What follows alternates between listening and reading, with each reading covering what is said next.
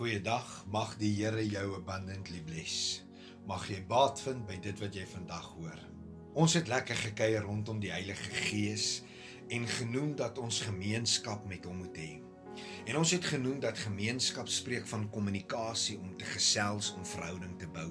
En vandag wil ek met jou kuier rondom die gedagte van bid sonder ophou. 1 Tessalonisense 5 vers 17 sê bid sonder ophou.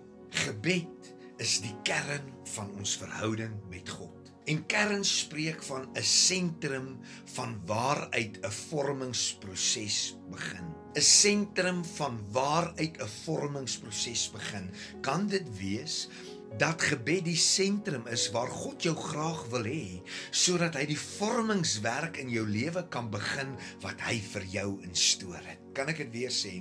Kan dit wees dat gebed die sentrum is waar God jou graag wil hê sodat hy die vormingswerk in jou lewe kan begin wat hy vir jou instoor het? Jy sien gebed is so suurstof vir die gees.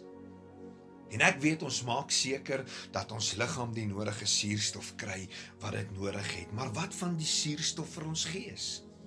Kom ek vra so, kan 'n mens sonder suurstof leef? Nee, jy kan nie. En ons smag na geestelike groei, ons smag na geestelike diepte terwyl ons die noodsaaklikheid om dit te bereik agterweë laat.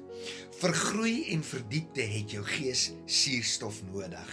Hallo, met ander woorde, jou Gees het gebed nodig.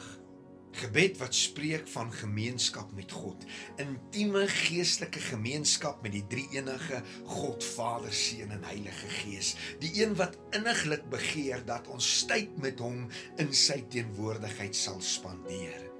Jy sien jou verhouding met God moet altyd prioriteit in jou lewe geniet. Die Bybel sê in 2 Korintiërs 4:16 Daarom gee ons nie moed op nie, maar al vergaan ons uiterlike mens ook, nogtans word die innerlike mens dag na dag vernuwe. Jy sien daagliks wil hy jou innerlike vernuwe en versterk, maar dan moet jy tyd maak vir hom. En dit vra konstante dissipline. Jy sien, as jy die belangrikheid en die prioriteit van gebed besef, sal jy tyd maak om so dikwels as moontlik elke dag by die voete van Jesus te sit. Lukas 10 vers 38 tot 42 sê die volgende: En op hulle reis het hy in 'n sekere dorp gekom en 'n vrou met die naam van Martha het hom in haar huis ontvang.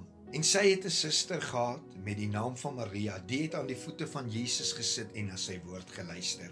Maar Martha was baie besig om alles klaar te maak. Sy kom toe daar staan en sê: "Here, gee U nie omdat my suster my alleen laat bedien nie? Sê dan vir haar dat sy my moet help." Luister mooi, maar Jesus antwoord en sê vir haar: "Martha, Martha, jy's besorg en verontrus oor baie dinge, maar een ding is nodig." Een ding is nodig en Maria het die goeie deel uitgekies wat van haar nie weggeneem sal word nie. Maria het die goeie deel uitgekies wat van haar nie weggeneem sal word nie. Dink jy nie dit het tyd geraak dat jy die goeie deel uitkies nie? Naamlik om by die voete van Jesus te sit om tyd in sy teenwoordigheid te spandeer. 'n Mens leer nie bid deur so seer boeke daaroor te lees nie. Ja, dit dien as 'n riglyn, maar jy leer bid deur te bid. Kan ek dit weer sê? Jy leer bid deur te bid. 'n Mens ontwikkel 'n dinamiese gebedslewe met tyd en dissipline. Is jy gereed om jouself te begin dissiplineer? Daniël, goeie voorbeeld, het dit 3 maal 'n dag gedoen. Gebed moet 'n sentrale plek in ons lewens inneem en ons moet spesifieke gebedstye in ons lewens inbou waar tydens ons eksklusief kwaliteit tyd afstaan aan Christus, sy Heilige Gees en sy woord. En die beste tyd vir dit is gewoonlik vroeg in die dag voordat die dag met sy gejaag begin. Wees eerlik met God wanneer jy bid. Moenie vroom skyn heilig wees en bid wat jy dink die Here wil hoor nie. Bid eerstens met jou hart dan met jou verstand. Praat met hom soos wat jy met 'n vriend of 'n vader sal praat, nie soos met 'n regter nie. Hy's nie 'n regter nie. Hy's 'n liefdevolle vader wat omgee en wat graag na jou wil luister. Stoei ook met hom soos Jakob in gebed as dit nodig is. Hy verstaan. Onthou niks wat jy doen kan hom skok nie.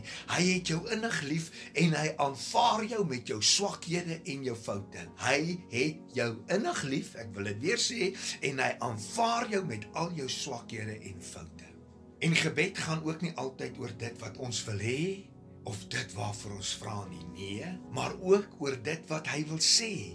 Met ander woorde, gebed gaan ook oor om te luister, om te luister om te luister en dit's gewoonlik die gemoeilikste gedeelte vir ons. Ek wil hê jy moet besef dat hy as God wil graag ook sy hart en sy gedagtes met jou deel. Hy wil graag sy hart en sy gedagtes aan jou openbaar. Hy wil hê jy moet sy stem leer ken. En hoe kommunikeer God met ons?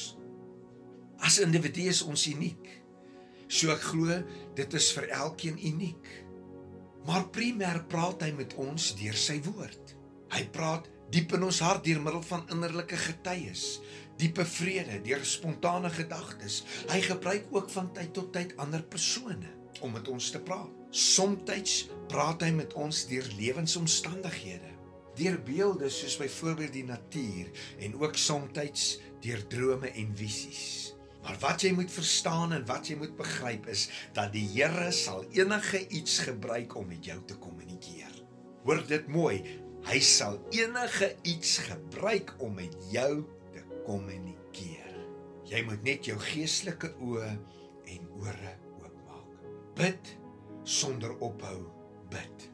Bid gedurig deur. Bly in voortdurende kontak met hom. Hy het baie wat hy met jou wil deel. Mag die Here jou seën.